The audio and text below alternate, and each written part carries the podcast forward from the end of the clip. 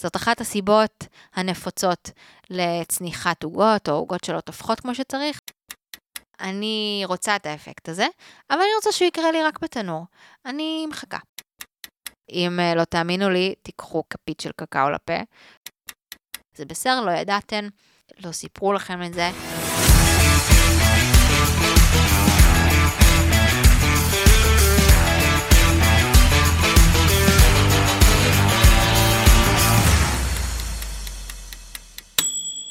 שלום, ברוכים וברוכות הבאות לעוד פרק של לא אפויה, על בישול, אפייה וטבעונות וכל מה שביניהם.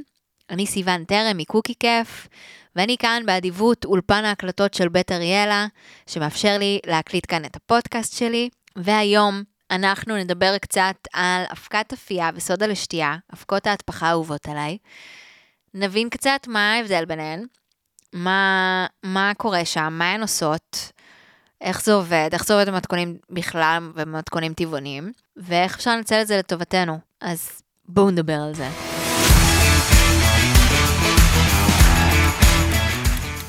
תמיד שואלים אותי איך אה, את בוחרת, במה להשתמש, למה את משלבת ביניהם, מה ההבדל ביניהם, אם אין לי את זה, האם אני יכולה להשתמש בזה. אז בואו נפתור את כל הבלבול ונענה על כל השאלות בבת אחת, ויהיה לנו הרבה יותר קל אחרי זה אה, לעבוד איתם. סודה לשתייה, אבקת סודה לשתייה יש לציין, זה בעצם סוג של מלח מבחינת אה, אה, סוג החומר, והסודה הזאת, האבקה הזאת, כשהיא באה במגע עם חומצה מכל סוג, אז בעצם מה שקורה, משתחרר לו פחמן דו-חמצני, ובגלל זה זה בעצם משהו שיוצר אה, סודה. מה זה חומצה? איזה, איזה חומצה יכולה להפעיל סודה לשתייה? אז זה יכול להיות ה-obvious, מיץ לימון, חומץ. זה גם יכול להיות uh, דברים חמוצים אחרים, כמו רביון או יוגורט, אפילו בדברים שלא חשבנו עליהם, יש מספיק חומציות uh, בשביל להפעיל את זה, כמו דבש, שזה לא טבעוני, אבל זה גם יכול.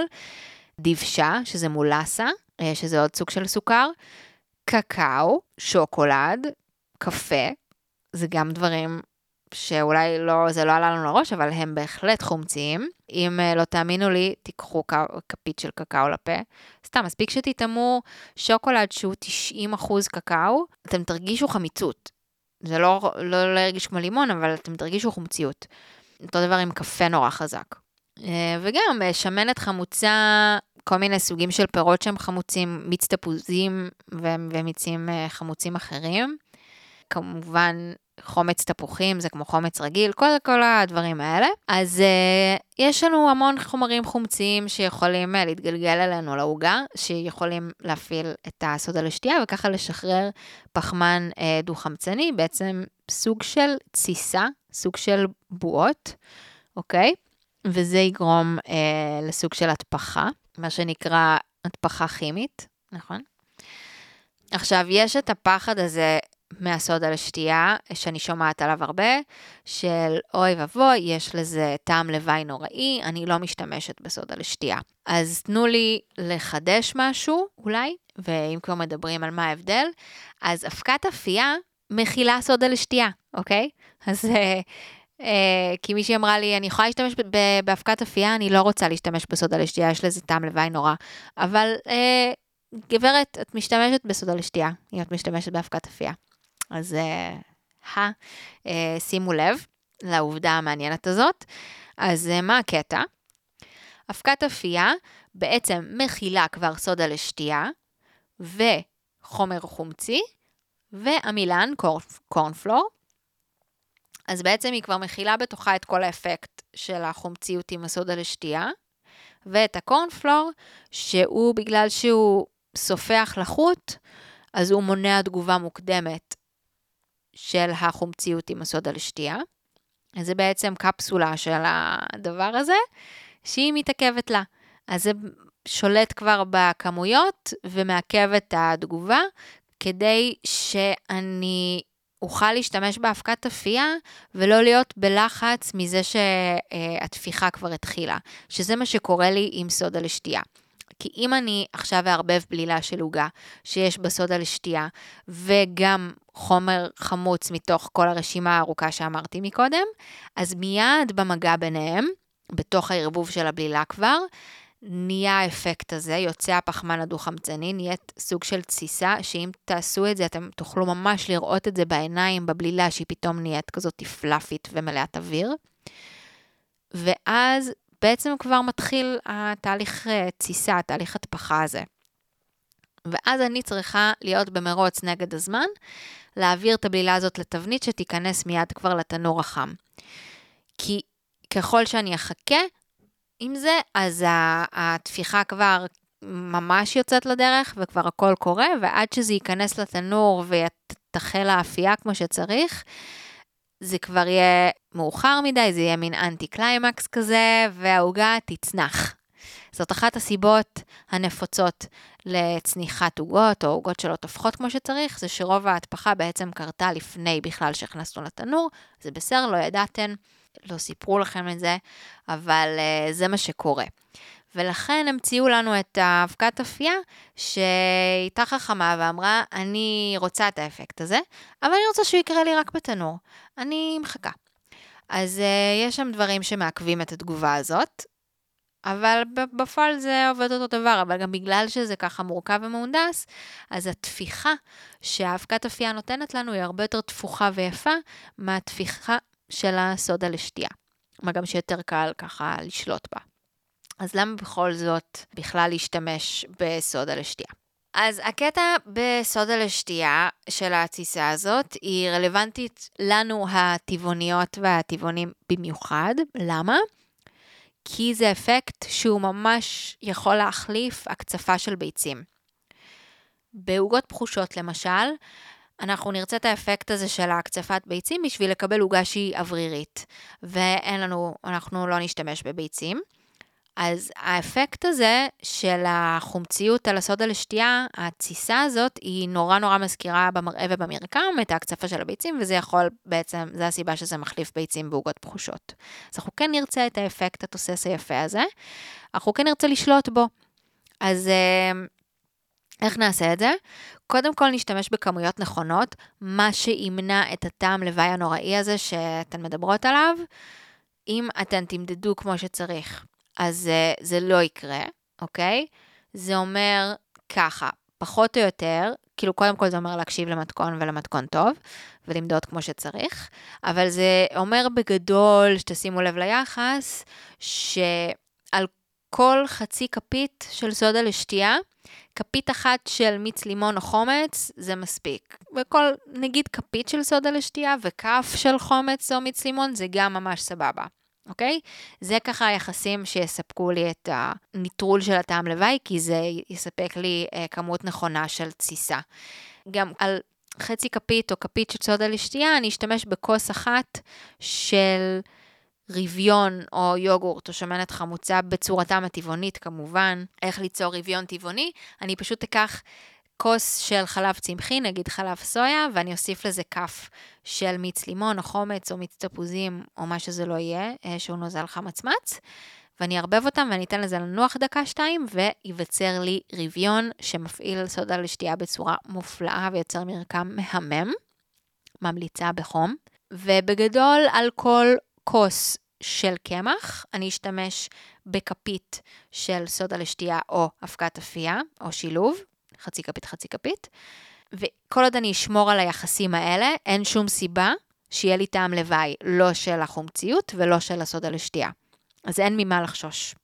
יש מתכונים שאני רואה שעל כוס של קמח שמים שקית של אבקת אפייה, שזה שלוש כפיות. שקית של אבקת אפייה זה שלוש כפיות אבקת אפייה, ולשים את זה על כוס קמח זה פשוט ביזיון.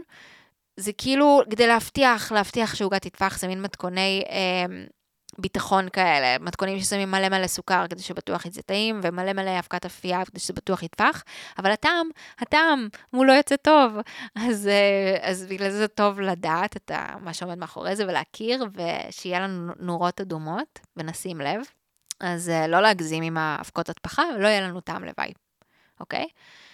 אז זה זה. ואיך אני אדאג לזה שהעוגה עדיין תטפח, גם אם אני נגיד שמה רק סודה לשתייה ולא גם אבקת אפייה. אז קודם כל, זה גם סיבה שאני אוהבת אה, לשלב. זה מין ביטחון כזה, אז אני יכולה להשתמש בשתיהן. וככה יש לי חומר מעכב שדואג שהרוב של ההטפחה יקרה באמת בזמן האפייה, כי משהו שמפעיל גם את התפיחה זה חום. אז על מה עוד אני אקפיד? קודם כל, החולה הרעה שחוזרת על עצמה, אה, כי, כי אתן פשוט לא יודעות, כי אף אחד לא אמר לכם, זה ערבוב יתר. מה קורה? אנחנו נכנסות לזה, אנחנו מקציפות עם המטרפה או עם המיקסר, וזה מקציף וזה, ויש לנו אה, ערבוב רציני, והערבוב הזה זה כמו החום של התנור, זה כאילו נורא נורא מפעיל את ההתססה, או כמו עם כל דבר שנקציף, אם נקציף יותר מדי ונערבב יותר מדי, אז כבר נעבור את הסף של ההקצפה וזה כבר יתחיל ליפול והאוויר יתחיל לצאת. אז אה, בכל מקרה, הערבוב יתר הזה הוא לרעתנו. אז לא לערבב יותר מדי, ברגע שאנחנו במרקם אחיד והכל נראה טוב, לעצור, אין סיבה להמשיך. אה, וזה, ולחכות יותר מדי לפני שזה נכנס לתנור, ולכן בתחילת ההכנה, אמ, הסעיף הראשון בהוראות הכנה אמור להיות להדליק את התנור, כדי שברגע שנסיים להכין את הבלילה ולהעביר אותה לתבנית, התנור כבר יהיה חם מספיק ונוכל ישר להכניס את התבנית לתנור. אם אני משתמשת רק בסודה לשתייה ומשהו חומצי, וזה כבר תוסס וזה יעמוד 15-20 דקות ורק אז ייכנס לתנור, אז הלך עליי. שזה היתרון של האבקת אפייה, שהיא יודעת uh, לעכב מספיק, כדי שהעוגה גם תעמוד 20 דקות ותחכה לתנור ולא יקרה שום דבר. או אם אני רואה שיש לי בעיה ואני צריכה לחכות עם זה יותר, אני יכולה להכניס את זה גם למקרר, והקור גם ישמור על זה. אבל זה יקרה לי עם אבקת אפייה ולא עם סודה לשתייה. אני גם יכול, יכולה, עכשיו שאני יודעת את זה, אם יש לי איזה בעיה, לחכות ממש לשנייה האחרונה להשתמש באבקות הטפחה שלי ולהכניס אותם ברגע האחרון. כי הן, המגע איתן יוצר את האפקט בעצם. הנוזלים וה, והחומציות שבמגע עם האבקת אפייה וסוטה לשתייה מפעיל אותן, אז אני יכולה לדחות את הקץ גם עם הדבר הזה, וזה גם יעזור לי. אז נעבור רגע לדברים ומסקנות שלנו. אז חומציות במגע עם סודה לשתייה יוצרת תסיסה שדומה להקצפה של ביצה, וזה יוצר לי התפחה יפה. אבקת אפייה לא צריכה את החומציות, מספיק לה נוזלים, מספיק לה חום, וזה מפעיל אותה. היא יודעת לעשות את זה לבד, כי יש כבר בתוכה גם סודה לשתייה וגם חומר חומצי. אבקת אפייה תעשה לי התפחה גבוהה יותר, יפה יותר מסודה לשתייה, שיותר קל לי גם לשלוט בזה, כי זה כבר מהונדס שזה יעשה את זה. אז זה גם לשני הכיוונים, אם אני רוצה נגיד ליצור עוגיות שהן ככה שטוחות יחסית ונסדקות כזה יפה, ולאו דווקא טופחות נורא לגובה ונורא כדוריות כאלה, אז אני עדיף להשתמש, נגיד, רק, יש לי הרבה מתכונים של עוגיות שאני משתמשת רק בסודה לשתייה, ואז אה, זה עושה, עושה לי טפיחה עדינה יפה כזאת, אה, נמוכה יותר, שלפעמים זה מה שאני רוצה בעוגיה שלי, לפעמים זה מה שאני רוצה בעוגה שלי, אם אני רוצה אותה יותר כזאת סדוקה ויפה וקשוחה מלמעלה, אז זה יקרה לי יותר נגיד עם הסודה לשתייה. תראו, תנסו, תתנסו בבית, תראו שבאמת פשוט ההטפחה יוצאת טיפה שונה במרקם ובמראה שלה. ובגלל זה גם הרבה פעמים אה, אפשר, אפשר לאפות עם סודה לשתייה, גם בלי להוסיף מרכיב חומצי, והחום והנוזלים יפעילו אותה מספיק. זה יעשה עדיין, זה יעשה תפיחה עדינה ולא תפיחה גבוהה ופלאפית כמו עם החומציות. עוד דבר שמפעיל את האבקות הטפחה זה חום. אז נגיד מתכונים שמשתמשים במים חמים או מים רותחים או חלב חם רותח בתוך הבלילה, זה בשביל זה. זה כמו שאני אשתמש בחומציות, אז פה אני אשתמש בחום. וגם כאן אני אצטרך לעבוד מאוד מהר ולהכניס מהר לתנור, כי זה כבר ייצור את ההטפחה הרצינית הזאת. אז ברגע שהכרנו לעומק את ההרכבים והתפקידים של אבקות ההטפחה, הרבה יותר קל לנו להבין מה הכמויות הנכונות במתכון, למה צריך גם חומץ או מיץ לימון, שאגב, כשנשים כף של חומץ או מיץ לימון בתוך uh, בלילה של עוגה, אנחנו בחיים לא נרגיש את זה אחרי אפייה, זה לא משנה אם נשתמש במיץ או מיץ לימון או חומץ או חומץ תפוחים, שזה כזאת קטנה זה לא משמעותי מבחינת הטעם. הבנו שהיחסים הנכונים והמדידה הנכונה תשמור עלינו מטעמי לוואי, תשמור על מרקם נכון. ואני אוסיף לזה שיש עניין עם המדידה גם מבחינת uh, כפיות. בדרך כלל, כל מיני דברים שהם בכפיות וכפות זה לא כזה נורא, אבל uh, כן יש הבדל בין כפיות וכפות מדידה לכפיות וכפות ביתיות. לכל אחד מאיתנו יש סט סכו"ם שונה.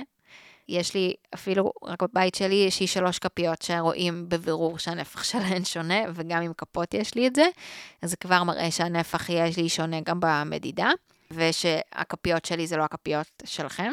וגם יש נטייה רצינית לאנשים, אה, כשהם מודדים ומודדות עם כפות וכפיות, לעשות את זה עם גבעה. ותנו לי להגיד לכם, כפית עם גבעה, לרוב זה יהיה שתי כפיות. כף עם גבעה, לרוב זה יהיה שתי כפות. אז uh, יש כאן הבדל. אני ממליצה, אם אין לכם uh, כפיות וכפות מדידה, אז תלכו על כפית וכף שטוחה כשרשום לכם כפית או כף במתכון, אלא אם כן ממש רשום גדושה, שזה מידה שקשה לעקוב אחריה, כי גדוש שלי זה גם לאו גדוש שלכם. אז תקפידו לפחות על שהן יהיו שטוחות, כי זה נגיד משהו שקורה שימו לב, כל מי שמתלונן ומתלוננת על טעם לוואי של סולר לשתייה, האם שמתם כפית שטוחה? כי אם שמתם כפית לא שטוחה, שמתם יותר מדי סודה לשתייה, ואז לא פלא שיש טעם לוואי. שוב, לא מאשימה אתכם, אף אחד לא סיפר לכם. אז הנה אני מספרת.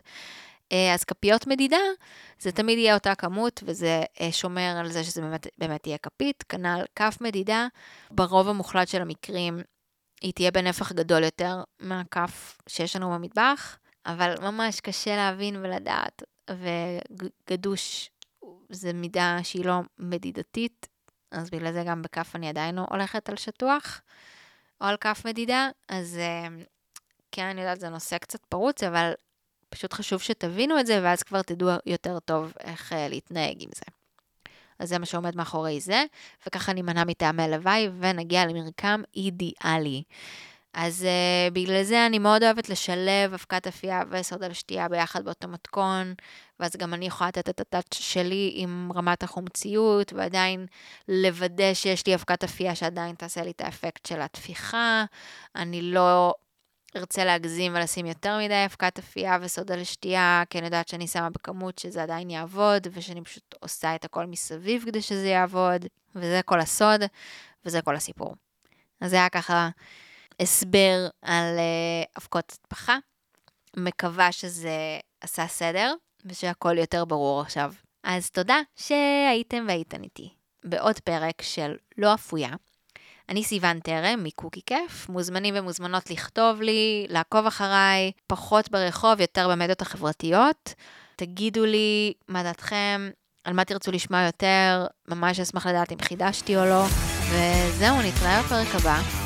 תודה רבה לאולפן ההקלטות של בית אריאלה, על האירוע החכם, וזהו, שיהיה בתיאבון. ביי!